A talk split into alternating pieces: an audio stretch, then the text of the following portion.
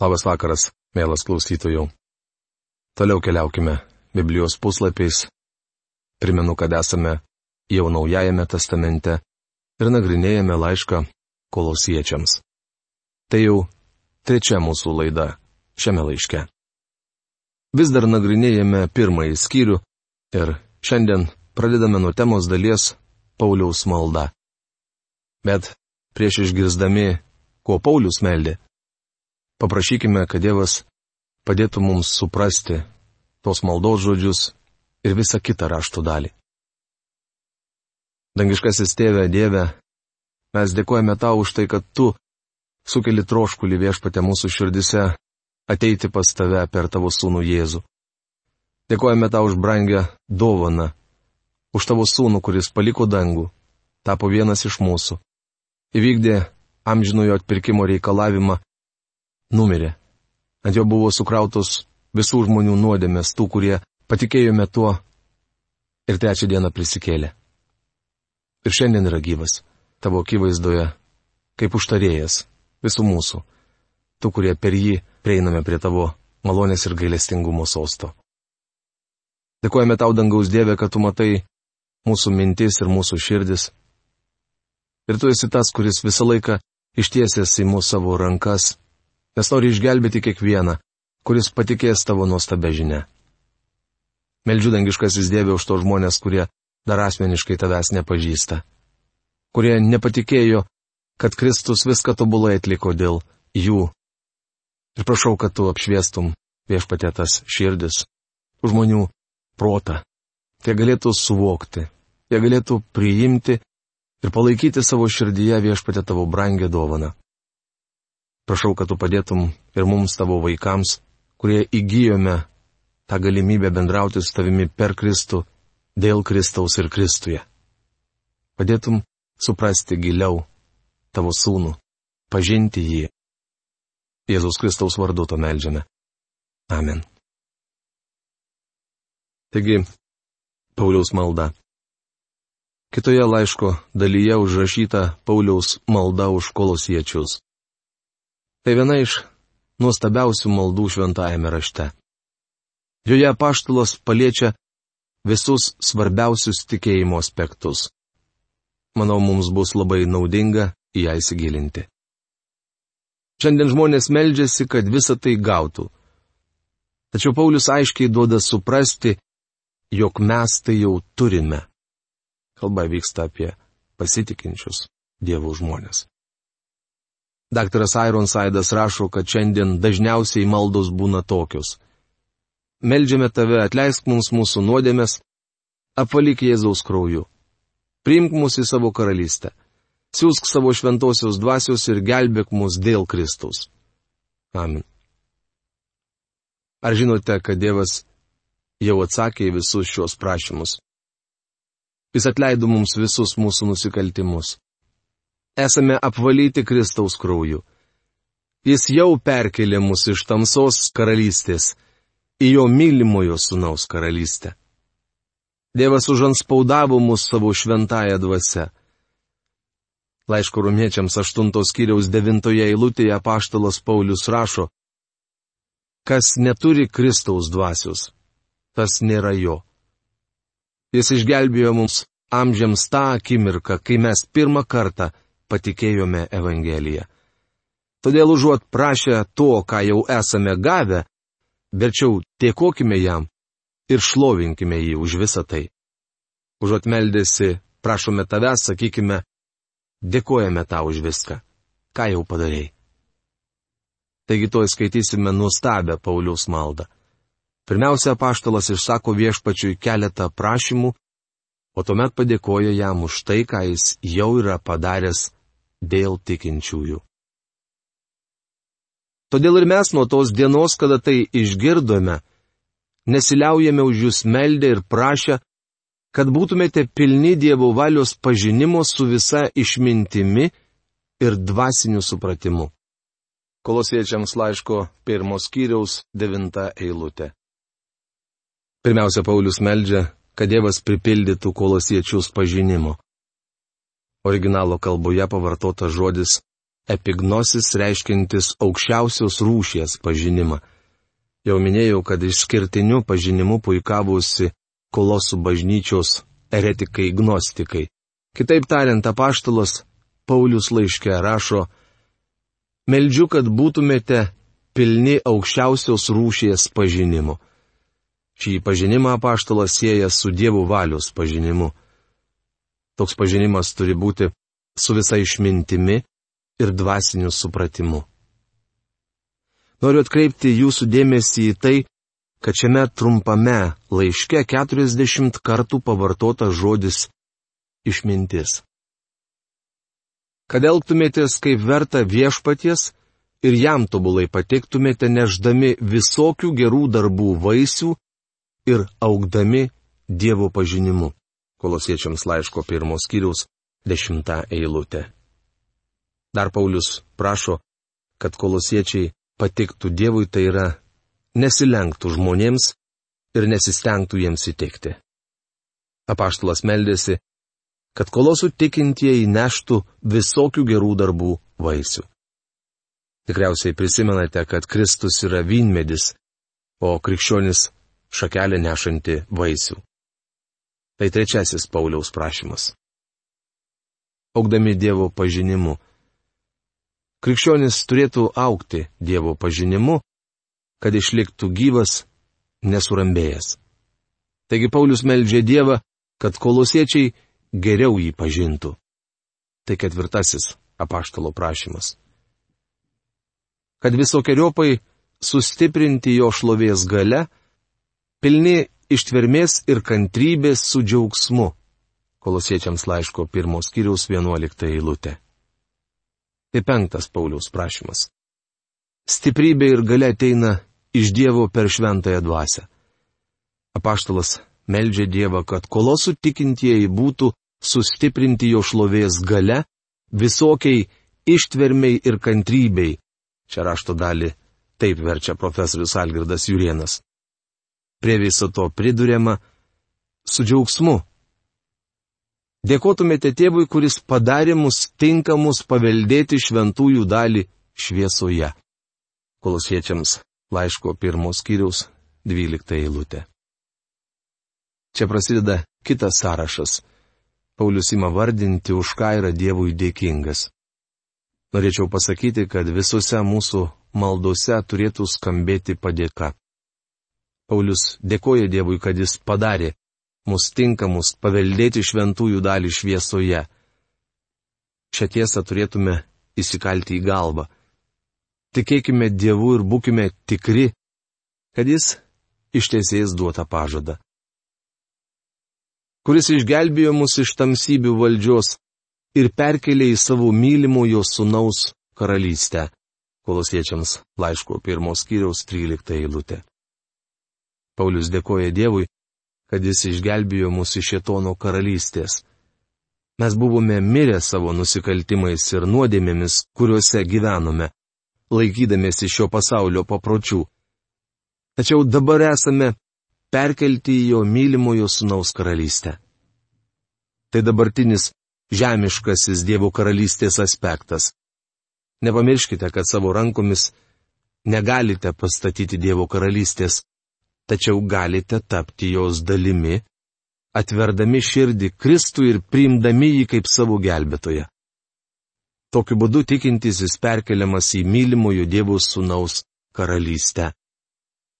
Tai praktinis veiksmas kiekvieno žmogaus, tikinčiojo žmogaus gyvenime. Jame mes turime atpirkimą, nuodėmių atleidimą, kolosiečiams laiško pirmos kiriaus 14 eilutė. Kosto burbulio Biblijos vertime šie eilutė skamba taip. Jame mes turime atpirkimą, jo krauju ir nuodėmių atleidimą. Mes ne tik perkelti į jo karalystę, bet ir turime jame nuodėmių atleidimą. Nuodėmio atleidimas visuomet siejamas su Kristaus krauju. Dievas neatleidžia nuodėmių, vadovaudamasi savo užgaidomis ar sentimentais. Mes turime atpirkimą jo krauju. Laiško originale apaštalas pavartojo graikų kalbos žodį apolutrosis, reiškianti ne tik atpirkimą, bet ir pavergtos tautos išlaisvinimą. Bičiuli, Kristus sumokėjo kainą, kad išvaduotų mus iš vergystės, kitaip dar vadinamos dvasinės Egipto vergystės. Paulius padėkoju Dievui už penkias nuostabes tiesas. Dievas padarė mus tinkamus paveldėti šventųjų dalį šviesoje. Jis išgelbėjo mus iš tamsybių valdžios ir perkelė į savo mylimojo sunaus karalystę. Dievas atpirko mus Kristaus auka. Dėl jo pralieto kraujo turime nuodėmio atleidimą. Visgi daugelis žmonių šiandien meldžia Dievą šių penkių dalykų. Mano draugė krikščioni, visa tai jums jau duota. Tad dėkokite Dievui už tai. Kristaus asmuo. Keliaudami gesmių gesmės knygos puslapiais mes kalbėjome apie Jėzaus Kristaus asmenį. Ši tema plėtojama ir laiške kolosiečiams. Šiame laiške Paulius mokomus teologijos. Tai labai didinga ir iškili laiško dalis, kurios tema yra Jėzaus Kristaus asmuo. Apie jį neįmanoma pasakyti per daug. Šiame gyvenime mes niekada iki galo nesuvoksime, koks jis nuostabus ir šlovingas. Šioje laiško dalyje užrašytas atsakymas tiems, kurie neigia Jėzaus Kristaus dieviškumą. Jei suprasime šias eilutes, suvoksime, koks jis iš tikrųjų nuostabus. Paulius duoda atkirti gnosticizmui, kuris yra viena iš seniausiai bažnyčioje paplitusių erezijų. Kita ankstyvoji erezija buvo arionizmas. Aleksandrijos kunigas Arijus tvirtino, kad viešpats Jėzus Kristus buvo kūrinys, tarpinė būtybė. Pirmasis Nikėjos susirinkimas 325 metais šią ereziją pasmerkė tokiu pareiškimu. Sūnus yra žmogiškiausias iš visų žmonių ir dieviškiausias, koks tik gali būti Dievas. Vėlesnių istorinių laikotarpių Socinis paskleidė ereziją, jog Jėzus nebuvo Dievas ir kad žmonijai nereikalingas gelbėtojas. Jis mokė, kad žmonija nėra visiškai sugedusi. Mūsų dienomis šiuo mokymu remiasi antitrinitaristai, bei kai kurios sektos, pavyzdžiui, Jehovos liudytojai. Paulius išvardė devynis išskirtinius Kristaus bruožus, kurie rodo, jog jis yra pranašesnis už bet kurį žemėje gyvenusi žmogų. Jis yra neregimojo Dievo atvaizdas. Visos kūrinijos pirmagimis. Kolosiečiams laiško pirmos skyriaus penkiolikta eilutė. Pirma. Jis yra neregimojo Dievo atvaizdas. Šioje eilutėje apaštalas pavartoja graikų kalbo žodį eikon, kuris reiškia atvaizdas. Tikriausiai jums kyla klausimas, kaip Kristus galėjo būti neregimo Dievo atvaizdas. Juk neįmanoma nufotografuoti ar nupiešti to, kas nematoma. Kaip tai galėjo būti? Apaštalas Jonas įžanginėje savo Evangelijos dalyje paaiškina. Pradžioje buvo žodis. Tai pradžia be pradžios. Kristui nebuvo pradžios. Pradžioje buvo žodis. Ta žodis buvo pas Dievą ir žodis buvo Dievas. Rašoma Jono Evangelijos pirmos skyriaus pirmoje eilutėje. Toliau apaštalas rašo. Ta žodis tapo, kitaip gimė, kūnu Jono Evangelijos pirmos skyriaus 14 eilutė. Jei Jono Evangelijoje ieškote kalėdų istorijos, štai. Jis gimė kūnu. Taip viešpats Jėzus Kristus tapo neregimojo Dievo atvaizdu. Kokiu būdu? Pats būdamas Dievas. Jėzus Kristus yra Dievas. Antrai, kaip jis būtų neregimojo Dievo atvaizdas? Antra, Jis yra visos kūrinijos pirmagimis. Tai parodo jo ryšį su tėvu ir padėti trejybėje. Dievas yra amžinasis tėvas. Dievo sūnus yra amžinasis sūnus. Viešpats Jėzus trejybėje užima sūnaus vietą. Žodis pirmagimis reiškia, kad Jėzus Kristus buvo dar prieš kūrinijos atsiradimą. Tai nereiškia, kad jis gimė pirmasis. Turime išsiaiškinti, ką šventajame rašte reiškia žodis pirmagimis. Niekur Biblijoje nesakoma, kad gimimas Betliejuje buvo Jėzaus Kristaus pradžia. Nuostabios Michėjo pranašyščių knygos penktos kiriaus pirmoje eilutėje sakoma, kad jis atėjęs iš amžinybės gims Betliejuje. Izaijo knygos devintos kiriaus penktoje eilutėje skaitome. Juk kūdikis mums gimė, sunus mums duotas. Atkreipkite dėmesį, kūdikis gimė, tačiau sunus duotas. Jis atėjo iš amžinybės ir prisėmė mūsų žmogiškumą. Paulius duoda atkirti vienai iš anų laikų filosofijų - paslaptingai religijai, kurį garbino Demiurga. Anot jos išpažinėjų Dievas sukūrė truputį žemesnio rango būtybę, šie sukūrė kitą, toji dar kitą ir taip toliau. Taip leidžiantis pakopomis buvo sukurtas kūrinys, sukūręs šią visatą. Neva tai buvo dieviškos emanacijos. Kitaip tariant, įvairių būties formų išsileimas iš absoliuto. Gnostikai teigia, kad Jėzus buvo viena iš tarpinių būtybių, kurios pradas Dievas. Apaštalas Paulius tokius svaičiojimus neigia. Jis sako, kad Jėzus Kristus yra visos kūrinijos pirmagimis ir buvo anksčiau, nei atsirado bet kokia kūrinyje. Paulius pavartojo graikų kalbo žodį prototokos, kuris reiškia prieš bet kokią kūrinyje. Kai Jėzus gimė, jis nebuvo sukurtas. Maždaug prieš du tūkstančius metų Jėzus Kristus nužengė į žemę ir tapo kūnu tačiau jis egzistavo prieš atsirandant bet kokiai kūrinyjei. Dar kartą paklausykite. Pradžioje buvo žodis. Tas žodis buvo pas Dievą. Ir žodis buvo Dievas. Jis pradžioje buvo pas Dievą, visa per jį atsirado ir be jo neatsirado nieko, kas tik yra atsiradę. Jono Evangelija pirmas skyrius, pirma trečia eilutės. Dievas tėvas yra amžinasis tėvas. Dievas sūnus yra amžinasis sūnus. Jis nebuvo pagimdytas. Keliose šventojo rašto ištraukose viešpats Jėzus vadinamas visos kūrinijos pirmagimiu ir viengimiu. Laiške kolosiečiams pirmos kiriaus 18 eilutėje viešpats Jėzus vadinamas mirusiųjų pirmagimiu. Apie tai kalbėjo ir psalmininkas. Aš paskelbsiu viešpaties įsaką. Viešpats tarė man, tu mano sunus, šiandien tave pagimdžiau. Tai citata iš antros psalmės septintos eilutės. Paulius šią mintį pratėsi ir paaiškino žymėjame pamoksle, kurį pasakė Galatijos rytyje, Pisidijos Antiochijoje.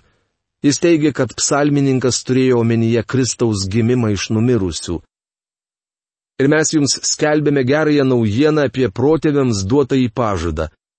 Į Dievas įvykdė mums jų vaikams, prikeldamas Jėzų, kaip parašyta antrojoje psalmėje. Tu esi mano sunus, šiandien aš tave pagimdžiau. Taip užrašyta paštalų darbų knygos 13 skyrius 32-33 eilutėse. Kai Jėzus Kristus vadinamas visos kūrinijos pirmagimiu, neturimas omenyje jo gimimas Betliejuje. Šie žodžiai apibūdina jo išskirtinę padėtį ir neturi nieko bendro su kilme. Psalmininkas rašo. Padarysiu jį savo pirmagimiu, iškiliausiu į žemės karalių. Citata iš 89 psalmės 28 eilutės. Tai aiškiai rodo, kad Kristus kaip amžinasis sunus savo padėtimi pranašesnis už visą kūrinyje. Kitaip tariant, jis kūrėjas. Nėra jokių demirgų, jokių tarpinių būtybių, kūrusių viena kita. Viskas sukurta jo rankomis. Jums leidus paminėsiu dar kelias šventojo rašto eilutes, kuriuose kalbama apie Kristaus asmenį. Laiško hebrajams pirmos skyriaus trečioje eilutėje skaitome. Jis Dievo šlovės atšvaitas ir jo esybės paveikslas, palaikantis savo galingų žodžių visatą, nuplovęs nuodėmės atsisėdo didybės dešinėje aukštybėse. Šioje eilutėje nesakoma, kad jis tik kūrinys, ar ne? Norėčiau dar kartą pakartoti, kad Jėzus Kristus yra antrasis dieviškosios trejybės asmo. Angelams sako, jis daro savo pasintinius lygius vėjams, savo tarnus kaip ugnies liežuvius. Tačiau pats viešpats Jėzus nėra vienas iš šių kūrinių. O sūnui sako, tavo sostas Dieve amžių amžiams ir teisingumo lasda yra tavo karališkoji lasda. Rašo Hebrajams laiško autorius pirmos kiriaus septintoje aštuntoje eilutėse. Taigi, bičiuli, čia kalbama ne apie tai, kad viešpats Jėzus gimė kaip kūrinys, bet apie jo dieviškumą. Kai jis atėjo į pasaulį, kūdikis gimė, bet sunus buvo duotas. Jis atėjo iš amžinybės. Angelas paskelbė Marijai, tavo kūdikis bus šventas ir vadinamas Dievo sunumi. Tai prašoma Luko Evangelijos pirmos kiriaus 35 eilutėje. Kodėl? Todėl, kad jis yra Dievo sūnus. Jėzus Kristus buvo Dievo sūnus dar prieš nužengdamas į žemę. Tu esi Mesijas, kitaip Kristus. Gyvojo Dievo sūnus, rašoma Mato Evangelijos 16 skyriaus 16 eilutėje. Toliau paštalas Paulius užrašė dar du reikšmingus teiginius bet juos mes su jumis apžvelgsime jau kitoje mūsų laidoje. O šiandien noriu paklausti jūsų mielas klausytojų. Kokią padėtį Dievo atžvilgių jūs šiandieną užimate? Ar jūs pripažinote save kaip nusidėjėlį Dievui? Ar jūs žinote apie tai, kad Jisai įdėjo į jūsų širdėm žinybės anspaudą, taip įeidamas į jūs? Ar jūs žinote, kad Jėzus Kristus, Dievo Sūnus atlikęs visą jam pavestą tėvo darbą čia žemėje, nuplovė žmonijos nuodėmes. Buvo paimtas iš lovė ir yra dabar dangiškojo tėvo dešinėje aukštybėse. Sugryžo į ten, iš kur išėjo. Jeigu jisai jumise per šventąją dvasę, o jeigu jūs esate jame, tai yra Kristuje Jėzuje, panardinti, tai jūs lygiai taip pat esate Dievuje, nes Kristus yra Dievuje. Tai įdomi teorija, ar ne? Tai be galo svarbus dalykas, kurį kiekvienas iš mūsų turėtume suprasti ir turėtume patirti. Nes Dievas sukūrė mus, norėdamas matyti mus laimingais. O mes laimingi galime tapti tik tai per bendrystę su Dievu.